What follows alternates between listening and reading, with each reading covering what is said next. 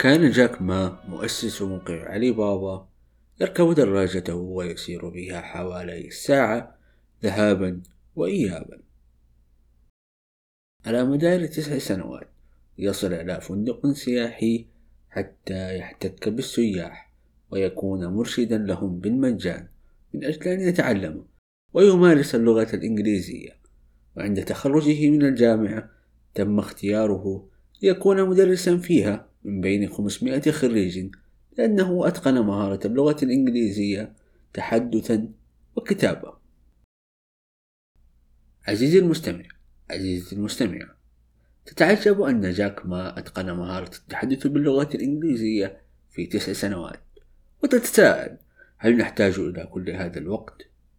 أو كما تقول البحوث إننا بحاجة إلى عشرة آلاف ساعة حتى نتقن مهارة ما أليس هذا كثيرا جدا؟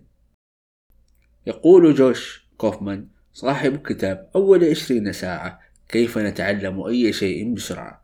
أن العشرة آلاف ساعة مجرد رقم وضع لإتقان المهارة بشكل تام وكامل. أما ما يحتاجه المبتدئون هو فقط عشرون ساعة من الممارسة لأي مهارة ما وإتقان أساسياتها. وإليكم ثلاث نصائح من جوش كوفمان. اعمل بذكاء وقسم ما تريد تعلمه إلى أجزاء صغيرة. وكلما كانت الأجزاء صغيرة كانت فرصتنا في تعلمها في وقت أسرع أكثر. ثانيا تعلم ما تحتاجه واترك ما لا تستفيد منه. الغرض من دراستنا لمهارات ما هو معرفة إذا ما كنا نقوم بها بشكل صحيح أم خاطئ.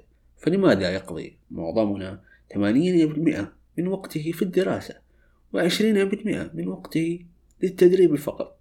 تعلم ما تحتاجه وتدرب عليه واترك ما لا تستفيد منه. ثالثا ابعد عن المشتتات.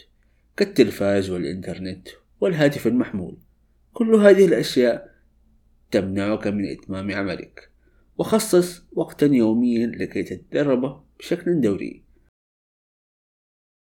عزيزي المستمع عزيزتي المستمع إن الحاجز الرئيسي الذي يمنعنا من تعلم مهارات جديدة هو شعورنا بالخوف.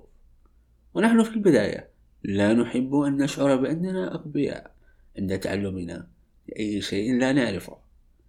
عزيزي يا عزيزتي كل ما عليك إذا أردت أن تتعلم مهارة جديدة. هو الالتزام والتدريب. وأن تتذكر أن كل من بدأوا كانوا لا يعلمون شيئا.